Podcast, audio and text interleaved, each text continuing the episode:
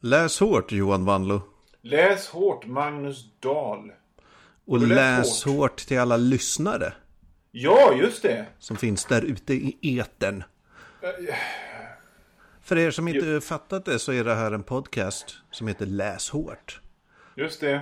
Där vi pratar Och- om böcker som vi har Vi pratar- läst hårt. Och vi har läst dem hårt. Äh, Jag vet inte, vissa böcker har jag läst liggande i en säng, kanske somnat mitt i, ett, eh, i en eh, mening. Det är inte så jävla hårt. Nej, det är samma här. Ibland läser man dem lite lagom.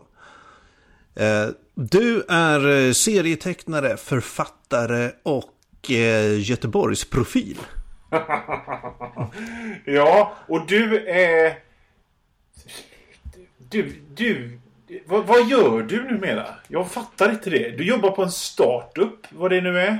Eh, Och du, du liksom det är bara så här man försöker smsa dig och så är det bara Nej jag är på affärsmiddag champagne galoppen här vid polospelet och, och vattenfallen Makvavit. Ja, nej, men det är mycket att stå i, så är det ju. Det är, jag vet inte vad jag ska säga. Det var så det är. Det är business hit och business dit. Stålet måste in. Underbart! Ja, det är, det är mitt liv nu. Ja. Eh, nej, men jag är ju någon sorts reklamare numera. ja, Jobbar med reklam. På olika sätt. men det är bra. Det, det, det är väl den delen av media som överlever. Kanske, kanske. Vi har ju fått ett eh, lyssnarbrev Just på vår det. Facebook Messenger. Mm. Eh, kan du berätta lite om det Johan? Eh, Jag ska leta upp den till att börja med. Eh, Jag hade den alldeles nyss. Eh, Där är den. Jo, vi har fått ett eh, lyssnarbrev från Simon Hedman Jonsson. Hej Som Simon. un- undrar så här. Vilken bok är läs hårt-genren? Alltså det är inte nödvändigtvis böcker som ni läser i podden utan skulle platsa i podden om ni fattar. Skulle ni rekommendera att jag som svensklärare använde i min undervisning? Det är en tall order, Magnus. Mm, spontant skulle jag inte rekommendera någon. Nej, verkligen inte. Eh, det, Var, det, för det, grejen är, man vill ju inte att han ska förstöra alla de här coola böckerna för sina elever. mycket av de här böckerna som vi läser handlar ju om att man är bekant med genrens alla liksom kringelikrokar och tricks. Så man kan, man kan se en, en kanske sken, skenbart dålig bok för att den faktiskt är bra ändå. Ja. Man Och måste kunna koderna. Lite, ja, man måste kunna koderna och man, man måste man måste ha lite rörligt intellekt och man måste ha, man måste ha det är som att lära sig supa eller röka. Man måste liksom Jaha. göra det några gånger. Jättemycket. Ja, jättemycket. Och det är äckligt och man kräks och man bajar ner sig. Men sen, efter, efter, efter en 30-40 sådana incidenter så är det plötsligt gött. Då kan man, eh, och, och några decennier senare så kan man så här, känna skillnad på dyra viner. Ja, precis. Och, och, och på samma sätt som man kan, som man kan, eh, som man kan se skillnad på. Ja, den här boken skrev E.C. Tubb när han var posterad vid den. Jag är ju väldigt orolig, jag var lite inne på det, men man börjar ju hata de böcker man tvingas läsa i skolan. Mm. Det är, är väl en universell sanning.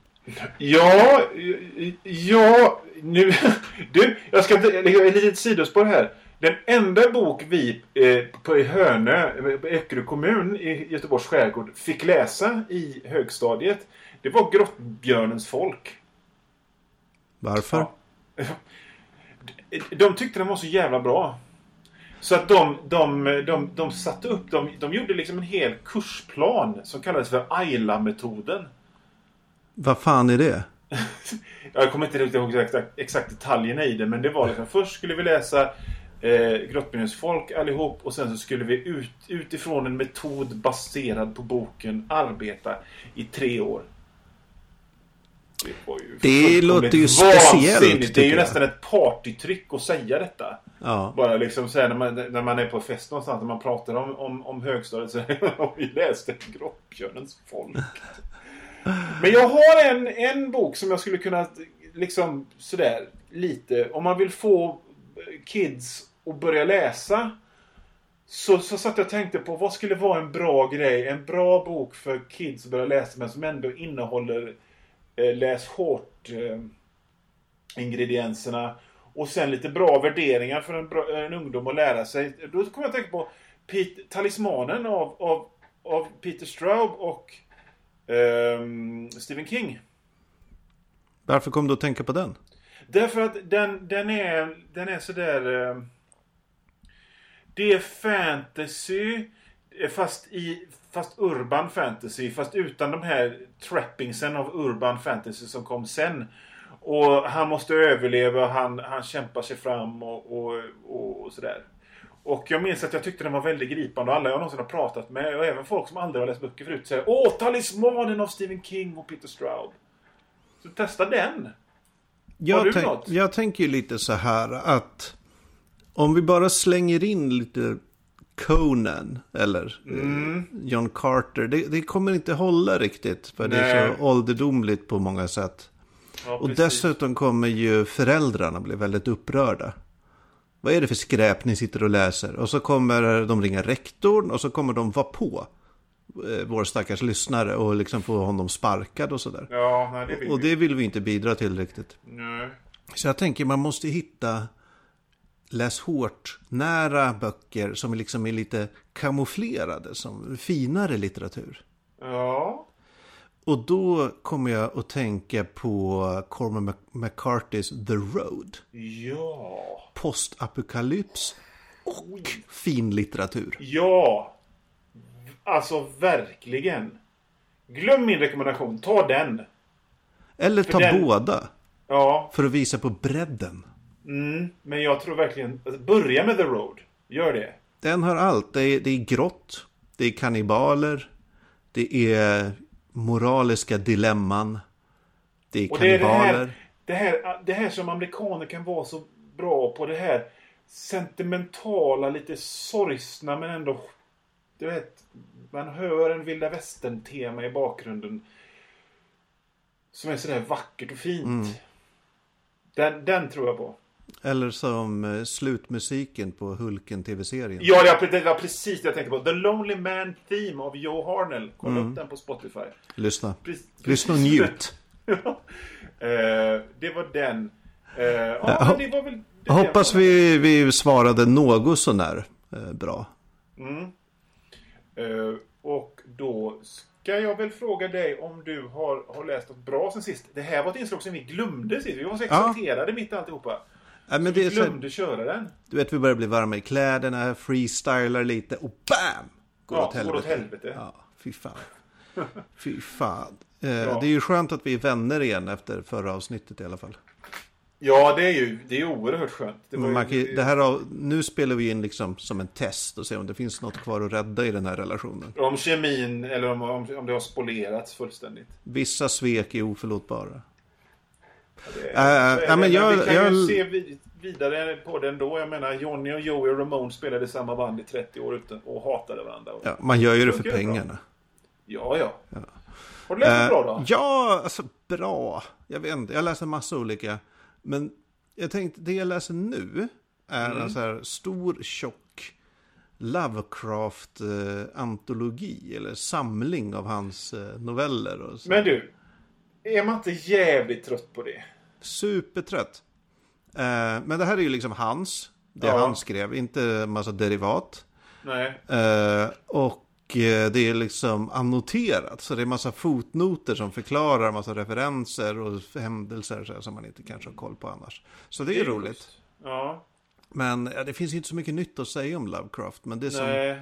slog mig när jag läste de här, det är ju att i och med att nästan alla hans noveller är liksom någon sorts, eh, alltså i brevform. Alltså det, Ja. någon som berättar vad som har hänt för flera Ja. år sedan kanske. Eller Ja. berättar vad han varit med om, det är dagböcker eller liksom eh, brev eller referat och sådär. Det är nästan som någon slags litterär found footage i vissa ibland. ibland. För det kan Precis. vara hans eh, anteckningar som hittats på en kammare.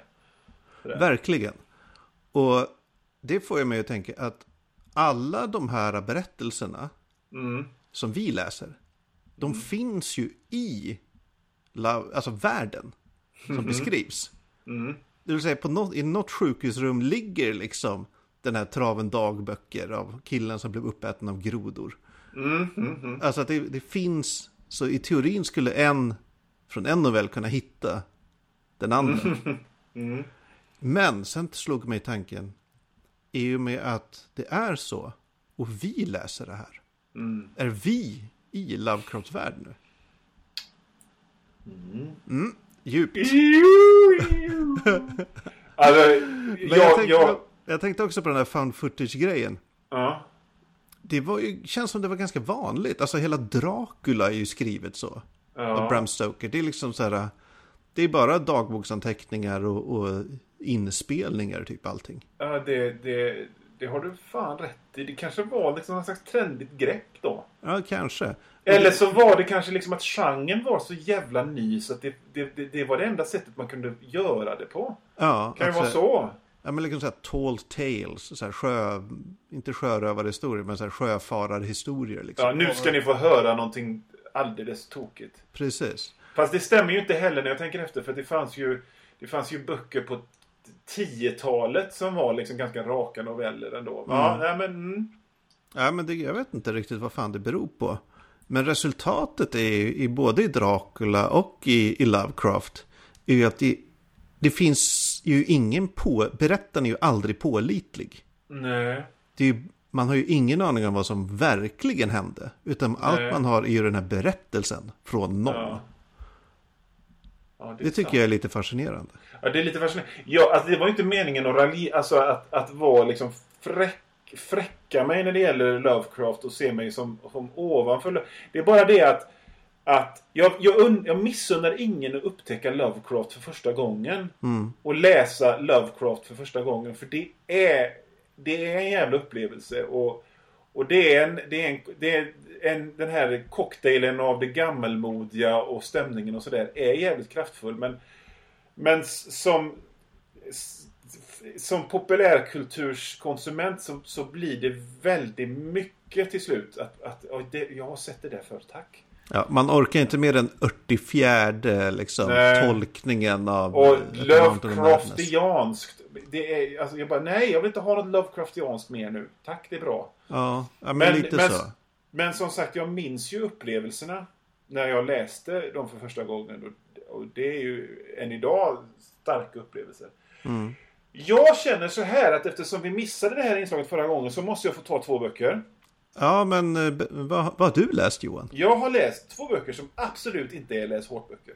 Jag fick, jag fick ett finlite... Jag, jag vet inte om jag fick någon slags arbetarklasskomplex-pryl eller om, om det var... Jag vet inte vad det var, men jag, jag har läst riktig litteratur.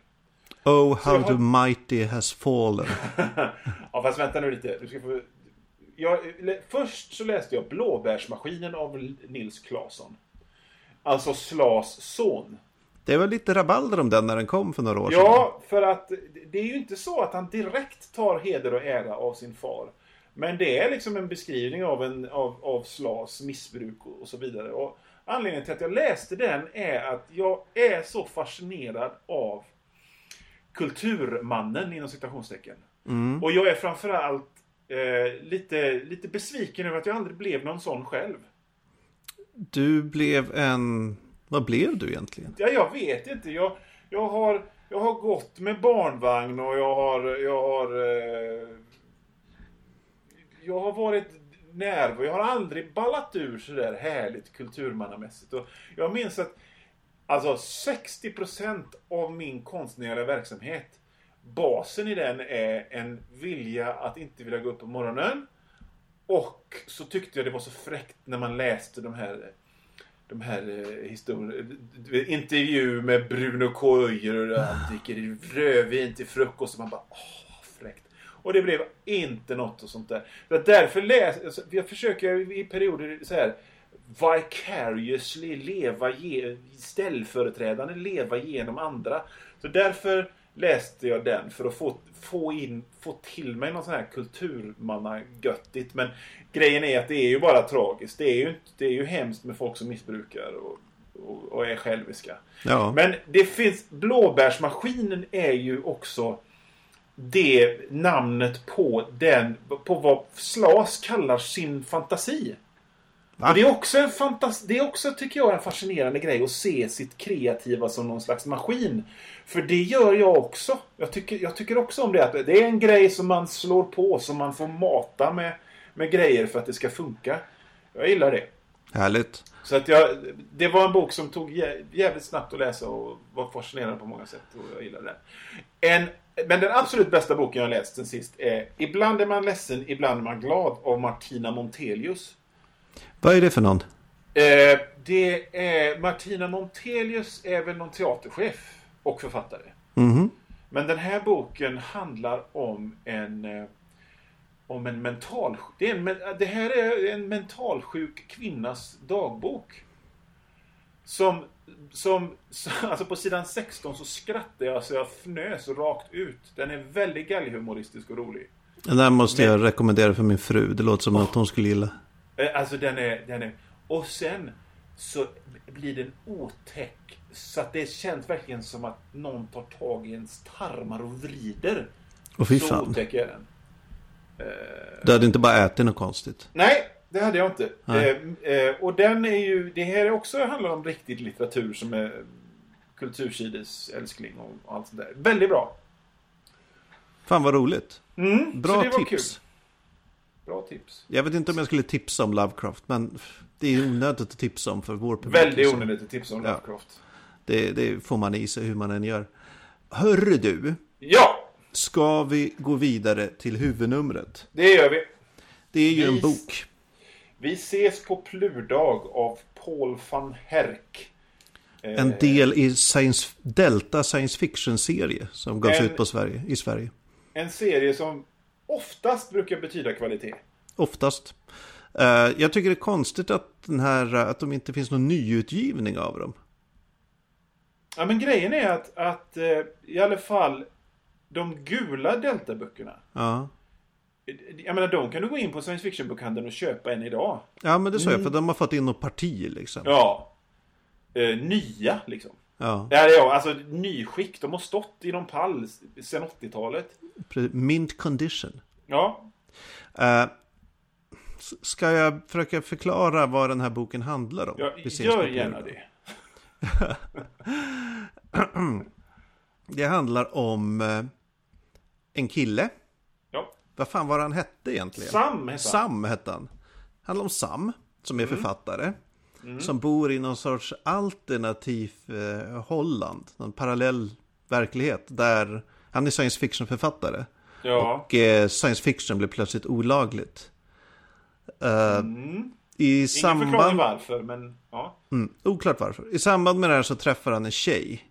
Ja. Som säger när de ska stämma träff. Vi ses på Plurdag. Och då blir han så här, ja, vi ses på Plurdag. Sen bara, va? Vad är det? Och så handlar en stor del av boken om att han ska ta reda på vad Plurdag är och få tillgång till Plurdag. För det visar sig vara en, en dag som bara de väldigt rika har tillgång till. Mm, de har sparat tid. Exakt. Så att de har en dag till, en åttonde dag i veckan. Ja. Eh, för rika har ju råd att flyga över Atlanten. De behöver inte ta en båt eller något sånt där. Nej. Till exempel. Så då sparar de massa tid. Den här boken är från... Eh, jag vet inte den här 74 tror jag. utgåvan är från, men den är från typ 76 någonting. Ja, det är det nog. Och min, min, först, min första association när jag läste den här var typ porr, heja porrnoveller från 70-talet. Jaså? Eller, eh, Där, alltså, hela boken hörde jag i någon slags söderkisdialekt i mitt huvud. Och det, och det, och det är liksom... Tjena, tjena. Vi, alltså, den här typen av porrnoveller, det är, liksom, det är, en, det är en skön lirare med händerna i fickorna som ser en toppenbrallis och så tirar alltså, eller, eller även en, liksom, tidiga Ulf Lundell-texter som handlar om att vi gick ner till Stureplan och höll upp en hundring. Eh, Alltså, ja, men frasen- lite kanske. Kalaskexet hade en rackarns snajdig klänning på sig. är ju inte en mening som finns i boken, men den skulle kunna göra det. Eller hur? Ja, men den är väldigt... Eh, alltså talspråkig på många sätt. Mm. Och samtidigt är den, kan den vara så här extremt ja, men så här, konst, referenstät. Liksom, konstiga Ja. referenser till olika författare hit och dit och Ja, filosofer. det, det, det, är ju, det, det är ju en massa science fiction-författare som, som framträder ja. I, som, i biroller i boken. Och eh, ofta då att de, eftersom de inte får skriva science fiction längre, så Mm. eh, måste de skriva deckare eller psykologiska romaner. Vilket då, eh, det är lite roligt i början när någon, han får, huvudpersonen får höra att någon tvingas skriva psykologiska romaner och deckare. Mm. Och han blir så här, åh herregud, är det så illa? får de inte skriva science fiction längre? Nej, fan. Eh, till handlingen hör att det finns tidsmaskiner. ja, ja, just det. Det finns små gröna gubbar från Mars. Ja, just det. Det är hela tiden refereras till det. Och liksom, motorhuven var full med marsgubbar som man svepte undan. Man får aldrig någon förklaring var de här gröna gubbarna kommer ifrån. Utan de Nej. bara finns. Man kanske kan ana att det är hallucinationer eller något, jag vet inte. De bara är där. Och ibland gör de något. Men oftast är de bara så här, åh det var jättemånga som hängde i trädet utanför. Och man har ingen aning om varför. Alltså... Om jag, ska, jag tycker det luktar liksom bohemfylla över hela, hela den här jävla boken. Liksom. Den, den är sådär absurd på det larviga sättet. Alltså, du- vet som när någon, när någon på krogen får höra så här. Åh, ritar du serier? Här är en rolig grej jag har kommit på. Så är det fullkomligt obegripligt. Jag tycker den känns som en blandning av eh, Philip K. Dick och eh, Douglas Adams, typ. Philip K. Dick fast så det här sä- alltså, knarkiga, konstiga, konspirationsteoretiska, man vet inte vad som är riktigt och inte, med Douglas Adams bara så här, ja, absurda humor på något sätt. Ja, fast det, alltså jag blev bara irriterad av den här absurda humorn. Det var det här, han... Ordet, alltså, när ordet korpgluggar används istället för ögon. Ja, Eller, eller han blir förälskad upp över vänstra örat. Liksom, men sluta. Jag... Det, är, det, är så, det är så flabb... Försöker vara rolig. Jag vet inte. Jag, alltså, Philip K. Dick. Han var ju mycket, men han var inte rolig. Nej. Eh, nej, alltså... Jag, jag, Jag vet inte, jag försökte eh, kontakta översättaren av den här boken. mm, Gunnar Hjelmo, tror jag han heter. Mm. Vilket är ett, det är, så heter man om man är översättare. Det är ett riktigt Jajamän. översättarnamn. Eh, för jag tänker, man vet ju inte så här hur... Är det liksom så här slangigt även i originalet? Jag har ingen aning. Men han svarade inte på mitt eh, mess, Nej. jag vet inte. det, Eh. det, jag vet inte om det här är någon speciell slags eh, holländsk humor. Eller belgisk humor. Det kan vet det inte. vara. Det, jag, jag gillade den ju jättemycket i början. Gjorde du det? I början. Alltså kanske första tredjedelen av boken. Sen började det bli lite tjatigt. För då gick det så här, ah, okej man fattar. Så, ah, nu Nej, det men det, alltså, det var ju som en... Du, du pratade om den här personen som hade läst den på din litteraturvetenskapskurs. Ja, det Och var ju där jag först fick nys om den. Ja, och han kallade, hon, han, hen kallade det för saga. Och det är ju lite saga för att det är ju inte, det är ju, det är ju inte litterärt skrivet utan det är ju rakt upp och ner vad som händer och det är inte mycket som beskrivs av miljöer och, och sånt där. Och det är, Nej. plötsligt så ringer han upp sin musa. Ja, det är det finns Och musor musan får står under te- telefonkatalogen liksom. som man går till och betalar så får man en jättebra idé. Ja. Eh, mycket sådana konstiga saker. Mm. Eh, och jag, på ett sätt tror jag, okej, dels är den ju ganska banal och rak och inga konstigheter. Men Nej. jag tror och, det känns som att det skulle vara en, den typ av science fiction som uppskattas liksom inom akademin. Ja. Så här, bland forskare och Ja, folk. precis. De tycker För- liksom att det här är lite, lite lustigt och att man kan acceptera det här. Precis, Eh. och den är så här väldigt samhällskritisk och liksom har ett klassperspektiv på hela berättelsen och sådär. Ja. Och, Eh. och så tänker jag på... Jag, jag, men jag tänkte på... Det, det kan vara så här att ålder, humor åldras väldigt snabbt. Ja, Eh, och och då, då fick jag plötsligt en gnagande misstanke i bakhuvudet. Och det är... Undrar hur det är att läsa Livsräddens guide till galaxen idag. Om det är en lika plågsam upplevelse som det var att läsa den här för mig. Ja, jag vet, det var länge sedan Är jag den läste rolig Liften. egentligen? Eller var den bara rolig när jag var 14? Liftarens guide till galaxen tror jag, alltså jag tror det är mycket att göra att man, att man var 14. Ja. Jag tror det är en stor del av, av att man älskade den. Nu har jag ingen aning. Nej. Jag vet verkligen inte. Nej, och, och jag menar, jag, minnet av den är ju bara ljust och vackert och fint. Ja. Men, Det kanske eh, man ska låta det förbli så. Ja, jag tror nog det faktiskt. Men ja, du tyckte den var plågsam rent utav att läsa? Ja, jag tycker det, det, var- det... Jag tyckte inte om den. Jag, jag, jag, jag, sidan fem så kände jag, jaha, nej, nej, det här är inte för mig. Nej. Och, och jag läste på samma sätt som jag läste till exempel, eh, vad hette den här Mercedes Lucky-boken som vi läste? The Eh, Chrome Born eller vad fan Ja, var. precis. Du vet när man bara läser för att ha läst. Ja. För att Ingen komma till slut. Ja, man, bara, man bara tuggar sig igenom texten och, och så var det med den här. Och det... Det, det, det var ald, aldrig att jag tyckte det var kul eller bra eller att det var några bra idéer i den. Utan jag blev bara, jag bara, jag blev bara fnysförbannad för att jag tyckte idéerna var löjliga. Intressant. Alltså jag, jag tyckte ju det var lite roligt i början. Jag tyckte det fanns en del lustiga formuleringar och sådär. Mm.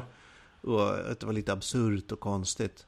Men det höll som sagt kanske eh, första tredjedelen. Sen blev det så här lite uttjatat och mot slutet var jag ganska trött på, på det. Ja, sen, sen har jag, jag har problem med grejer som ska vara roliga. Mm. Jag tycker det är roligare när grejer är roliga ändå. Eh, Men, men just eh, liksom, ja, det är klart att jag tycker om eh, liksom, komedi, roliga ståuppkomiker och sånt, men genren komedi inom i, i, i narrativ, ja, nej, jag gillar inte det riktigt. Nej. Jag, jag, jag hatar sitcoms. Alla sitcoms. Jag hatar dem. De är värdelösa. Ja, The Office är väl kanske bra, men, men eh, Ah, du älskar Burkskratt, sitcoms. eh, burkskratt sitcoms är ju liksom den sämsta skit som existerar. Ja, det är inte en favorit hos mig heller. Jag, jag tycker det är så jävla... Sit, ja, vi ska inte snöa in på sitcoms. Vissa Nej, är bra, nej, andra är dåliga. De flesta är dåliga. Ja.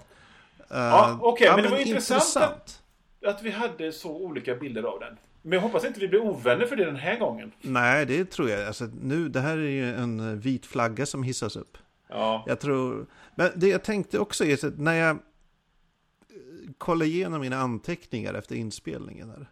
ja. Det, är inte, det känns inte, det finns inte mycket att diskutera i den. Nej. Man kan säga så här, och sen var det en sån här, äh, åkte han fram till 2050 och där var det bara trafik.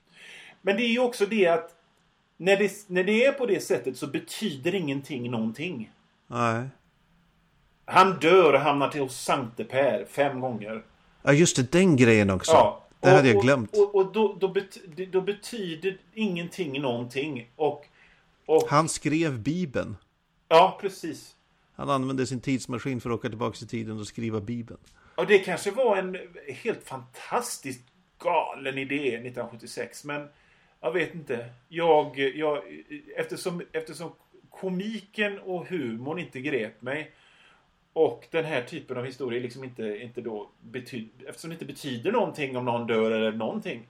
Så, så var det rätt, en rätt trökig upplevelse den här boken. En sak som jag tyckte var intressant. Det var ju när du presenterade den här boken eh, i förra programmet. Då tänkte jag oj vilken obskyr jävla bok. Men samtidigt finns det ju ingen bok som folk har varit så engagerade i på vår Facebook-sida. Och så många som har trätt fram och liksom läst den. Det finns massa Paul van Herkiter där ute. Jag tror snarare att det är så här att det finns en, en massa Delta Science Fiction-iter. Ja, så är det nog. Eftersom det här var den science fiction som fanns väldigt länge. Så läste man allt som kom. Man skulle, jag skulle vilja veta mer om den eh, holländska sci-fi-scenen på eh, 70-talet. Ja, Var det här liksom en typisk sci-fi-bok i Holland på 70-talet? Eller är det här, även med de måtten mätt en, en väldigt konstig bok? Ja. ja, men vad kul! Att vi, att vi, att det, jag, till skillnad från förra, förra avsnittets eh, liksom dåliga stämning så blir det mer som när man skalar en ingefära här. Det blir en uppfräschning av en liksom, rensning av luften. När du tyckte på det sättet och jag tyckte på det andra sättet. Ja, men visst är det härligt. Det är, nu kommer det bli dålig stämning däremot. Jaha, Jag lyssnade ju på eh, Arkivsamtal där du var med. okej. Och du nämnde inte vår podd. Nej. Skäms du för oss? Det var mycket som jag inte nämnde. Det, det, kan, det kan tilläggas att, att eh, vi, vi, vi befann oss på Simon Gärdenfors hotellrum. Och vi Om hade du väldigt fattar vad jag menar. Abrovinci eh, inspelningsutrustning för att vi hade bara en liten konstig... Vi, vi, I alla fall, jag satt i en jättekonstig ställning dubbelvikt för att kunna nå fram till mikrofonen. Det är Så väldigt stress position. Liksom hålla en massa tankar i huvudet. Det var mycket jag missade där. Jag missade till exempel att säga att min roman, min Ja. soloäventyr, eh, Domedagsvikingen, kommer i maj på Galago förlag. Jag sa inte det heller. Men nu vet våra lyssnare det. Mm. Det är superbra. Jag ser fram emot den. Det ska bli jättespännande. Mm. Du, Ja. så här. Jag kände, nu har jag känt, nu har det, nu har det, nu har det klagats jävligt mycket i Läs Hårds de senaste tre, fyra avsnitten. Mm, det är en gnällpodd. Ja, men jag gillar inte det. För att det här handlar... Jag, jag, är, jag är egentligen mycket... om- Jag vill att det ska handla om glädje och intensiv... Liksom... Tjohoi. Intensivvård. Ja, ja, och så att, så att nu har jag valt en bok som jag vet är bra. Jaha, Jag har inte läst den, men det är en klassiker i sin genre. okej. Och det, vi, ska, vi, ska läsa, vi ska läsa Noir från 50-talet. En, eh, ingenting som man kan cosplaya eller något sånt. Det är bara ondskefulla poliser som är seriemördare också. Vi Inga ska jävla läsa robotar. The Killer Inside Me av Jim Thompson. The Killer Inside Me Mm. av Jim Thompson. Och den finns... Eh, den, eftersom det är en liksom, mindre klassiker i genren så finns den i print. Så du kan köpa, du kan köpa boken på engelska från vilken eh, välsorterad internetbokhandel som helst. Du kan köpa den som e-bok. Den har även kommit ut på svenska. Mördaren i mig, tror jag den heter. Eh, Så det kan du låna på biblioteket. Eller köpa som en ganska billig pocket såg jag på Adlibris. Det här är ju väldigt bra. Ja, Tillgänglighet. Så The Killer Inside Me av Jim Thompson ska vi läsa och snacka om nästa veck nästa månad. menar. Spännande. Jag känner ju igen titeln. Men, Det eh, har gjorts en film, såg jag nu, 2010 med Casey Affleck. Och den har säkert gjorts som film innan också. Alltså, det här är en sån här klassiker i stil med Postmannen ringer alltid två gånger eller någonting. Så att, Mhm. eh, det, det är den lite sura genren. Stilbildande kan man säga det. Nej, det kan man inte säga. Eller jo, jo, kanske. Vi pratar om det nästa gång. Ja. För att jag tror att den, den har ett grepp som jag tror det är första gången som det används på det här sättet. Det ska bli väldigt, fattat. väldigt spännande. Mm. Eh, 50-tal, man läser inte mycket 50-talslitteratur. Alltså. Ja, jag, jag läser skitmycket 50-talslitteratur och nu kände jag att nu har det varit mycket gnäll. Nästa gång så vill jag, så vill jag vara exalterad och prata för fort om Och vara glad. Och vara glad. Kanske lite gåshud. Så. Jag vill välja glädjen. Ja, då gör vi det. Läs hårt, Magnus. Läs hårt Johan.